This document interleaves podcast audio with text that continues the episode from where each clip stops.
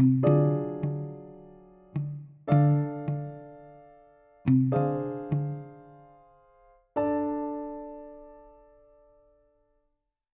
owym czasie Jezus przemówił tymi słowami: Wysławiam Cię, Ojcze, Panie nieba i ziemi, że zakryłeś te rzeczy przed mądrymi i roztropnymi, a objawiłeś je prostaczkom. Tak, Ojcze, gdyż takie było Twoje upodobanie. Wszystko przekazał mi Ojciec mój. Nikt też nie zna Syna, tylko Ojciec, ani Ojca nikt nie zna, tylko Syn i ten, komu Syn zechce objawić. Przyjdźcie do mnie wszyscy, którzy utrudzeni i obciążeni jesteście, a ja was pokrzepię. Weźcie na siebie moje jarzmo i uczcie się ode mnie, bo jestem cichy i pokornego serca, a znajdziecie ukojenie dla dusz waszych. Albowiem słodkie jest moje jarzmo, a moje brzemię lekkie. Oto słowo Pańskie.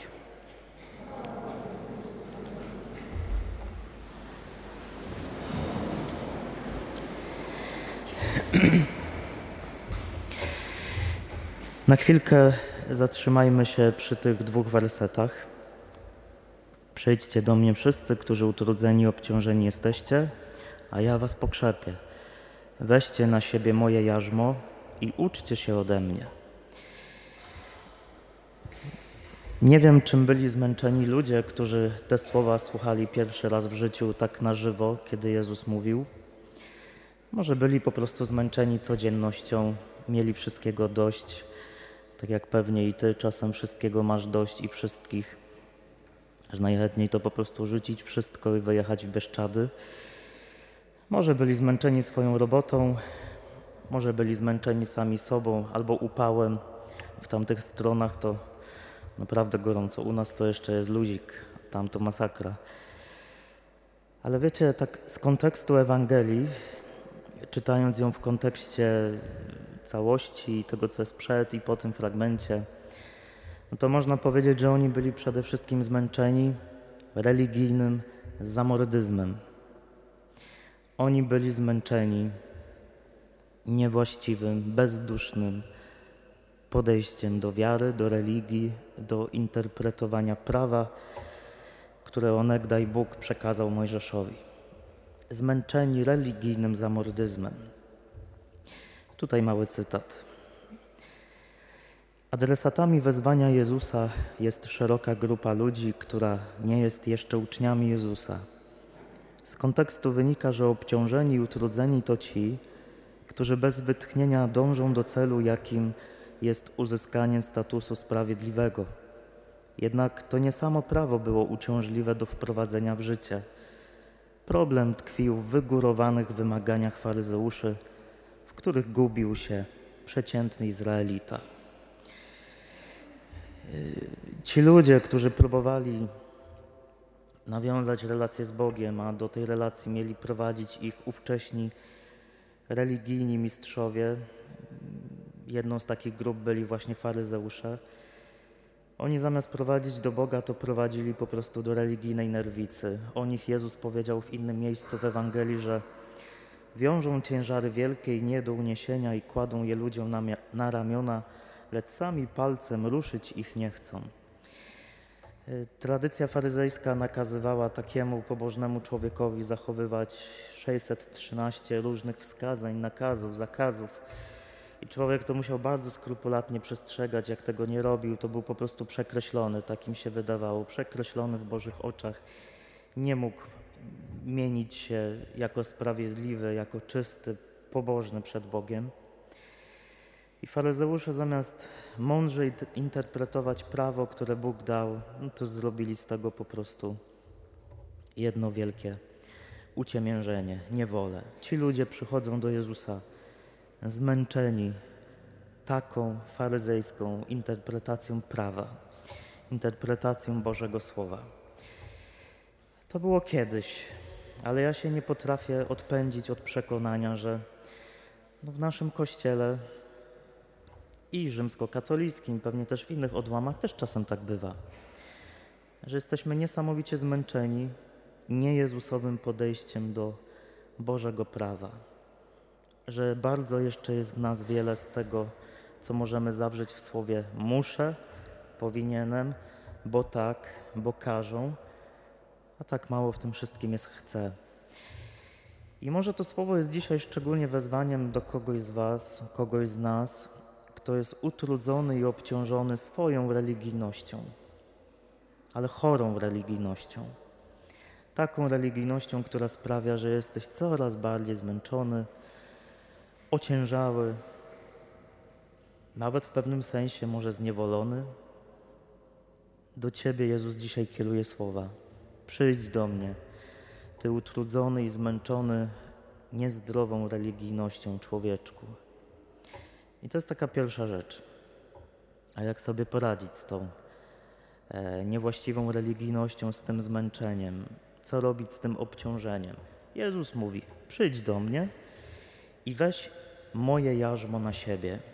Skojarzenia możemy mieć takie bardzo negatywne, bo to znowu możemy to tak rozumieć, że Jezus nas do czegoś chce zmusić, ale to nie tak. Jarzmo tym kontekście, w Jezusowym ujęciu, to jest po prostu sposób myślenia, sposób patrzenia, sposób interpretowania Bożego prawa, wypełniania tego prawa, e, którego przykład dał Jezus. Jezus wypełnił prawo miłością. Dużo o tym mówił w kazaniu na górze. E, jak bardzo ważne jest to, żeby w relacji do Boga wszystko się działo najpierw przede wszystkim w przestrzeni serca. Że to nie ma się opierać na muszę, ale na chcę. E, jarzmo dla tych z Was, którzy nie czaicie, bo trochę tu miastowych jest, to może nigdy nie widzieliście, ale jarzmo to jest taka bela, poprzeczna bela, którą się nakłada na parę wołów i to pomaga to, to bydło tak utrzymać w ryzach, pomaga nim kierować na polu, dzięki temu ono łatwiej pracuje.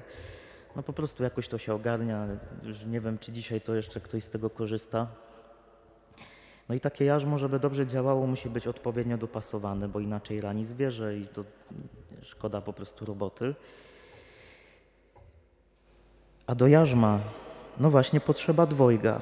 Więc Jezus, jak do ciebie mówi, przyjmij moje jarzmo, to mówi, stań obok mnie. Ja to tak obrazowo sobie przedstawiam, że jest Jezus, tutaj tabela i ty. Tylko to jest pewien obraz. Jezus zaprasza do tego, stań obok mnie, stań ze mną do pary i patrz tak jak ja. Ucz się ode mnie. Rób to, co ja robiłem. Y, ucz się mnie. Wsłuchuj się w to, jak ja interpretowałem Boże Słowo, jak ja uczyłem relacji z Bogiem, jak ja to dalej robię. Przyjmij mój sposób patrzenia. E, jarzmo jest powszechną w świecie żydowskim i Nowym Testamencie metaforą prawa. Jezus zaprasza przychodzących do siebie, aby postępowali zgodnie z Jego interpretacją prawa. Tylko ona jest Jego ostatecznym wypełnieniem. Jezus zrobił rewolucję w tym, że pokazał, że relacja z Bogiem nie musi męczyć, że relacja z Bogiem powinna podnosić że relacja z Bogiem powinna nas rozwijać.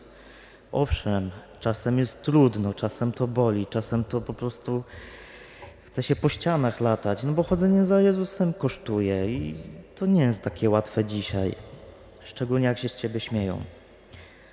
Ale relacja z Bogiem daje siłę, tak jak relacja z kimś kochanym, bliskim, no daje siłę. Kiedyś, ja już to mówiłem, więc się powtarzam, ale kiedyś na psychoterapii, na psychodramie, na którą uczęszczałem, mój psychoterapeuta powiedział, już nie pamiętam czy to do mnie, czy to ogólnie do naszej grupy, że jeśli Twoja wiara, Twoja religijność, Twoja pobożność nie sprawia, że jesteś człowiekiem szczęśliwszym, dojrzalszym, prawdziwszym, to Twoja relacja z Bogiem jest do tu sobie wstawcie takie słówko na D. Bardzo mnie to wtedy dotknęło, wtedy jeszcze tego nie rozumiałem, ale bardzo się z tym zgadzam, że rzeczywiście, jeśli ja ciągle wychodzę z pozycji, że ja coś muszę, no to będę ciągle stał w miejscu, będę ciągle zmęczony. Muszę iść w niedzielę do kościoła na mszę, no bo jak nie pójdę, to będzie grzech, a jak będzie grzech, to mnie Bóg pierdyknie piorunem. Muszę się modlić i rano odmówić ten głupi paciorek, bo jak nie, to Bóg się obrazi i mi pierdyknie piorunem. Muszę, muszę, muszę. Nic nie musisz. Jezus chce, żebyś chciał. Myślę, że to słowo jest zaproszeniem do tego, żeby się po prostu uczyć Jezusa. Że nawet moje gadanie, na tym też nie zbudujesz tego, do czego Jezus Cię zaprasza. Jesteś zaproszona, zaproszony do tego, żeby poznawać Jezusa coraz bardziej, inwestować w to czas, inwestować czas w medytację słowa, w adorację, w modlitwę taką z serca, chociażby, żeby z Bogiem sobie pogadać, przyjść do kościoła albo gdzieś indziej i po prostu pogadać. Zmiana myślenia, przyjąć jarzmo Jezusa, to stanąć z Nim w parze i przyjąć Jego sposób podejścia do świata, Boga, religii, człowieka, własnych słabości, upadków, do własnej świętości. I takie pytania na koniec, bo to słowo jest konkretnym zaproszeniem do osobistej pracy, refleksji. Co Cię męczy dzisiaj w Twojej religijności? Ja tu, kochani, żebyście też mnie źle nie zrozumieli, to nie chodzi o to, że jak jestem leniuszkiem i mi się nie chce iść do kościoła, a dobra, to znaczy, że nie muszę chodzić, nie? To nie o to chodzi. Tylko chodzi o to, żeby popatrzeć, co w moim sercu, jakie przekonania, jakie,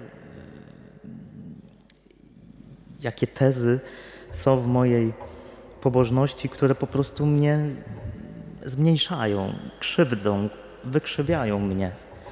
Co w Twojej religijności Cię męczy, co to jest i dlaczego Cię to męczy. Spróbuj to nazwać.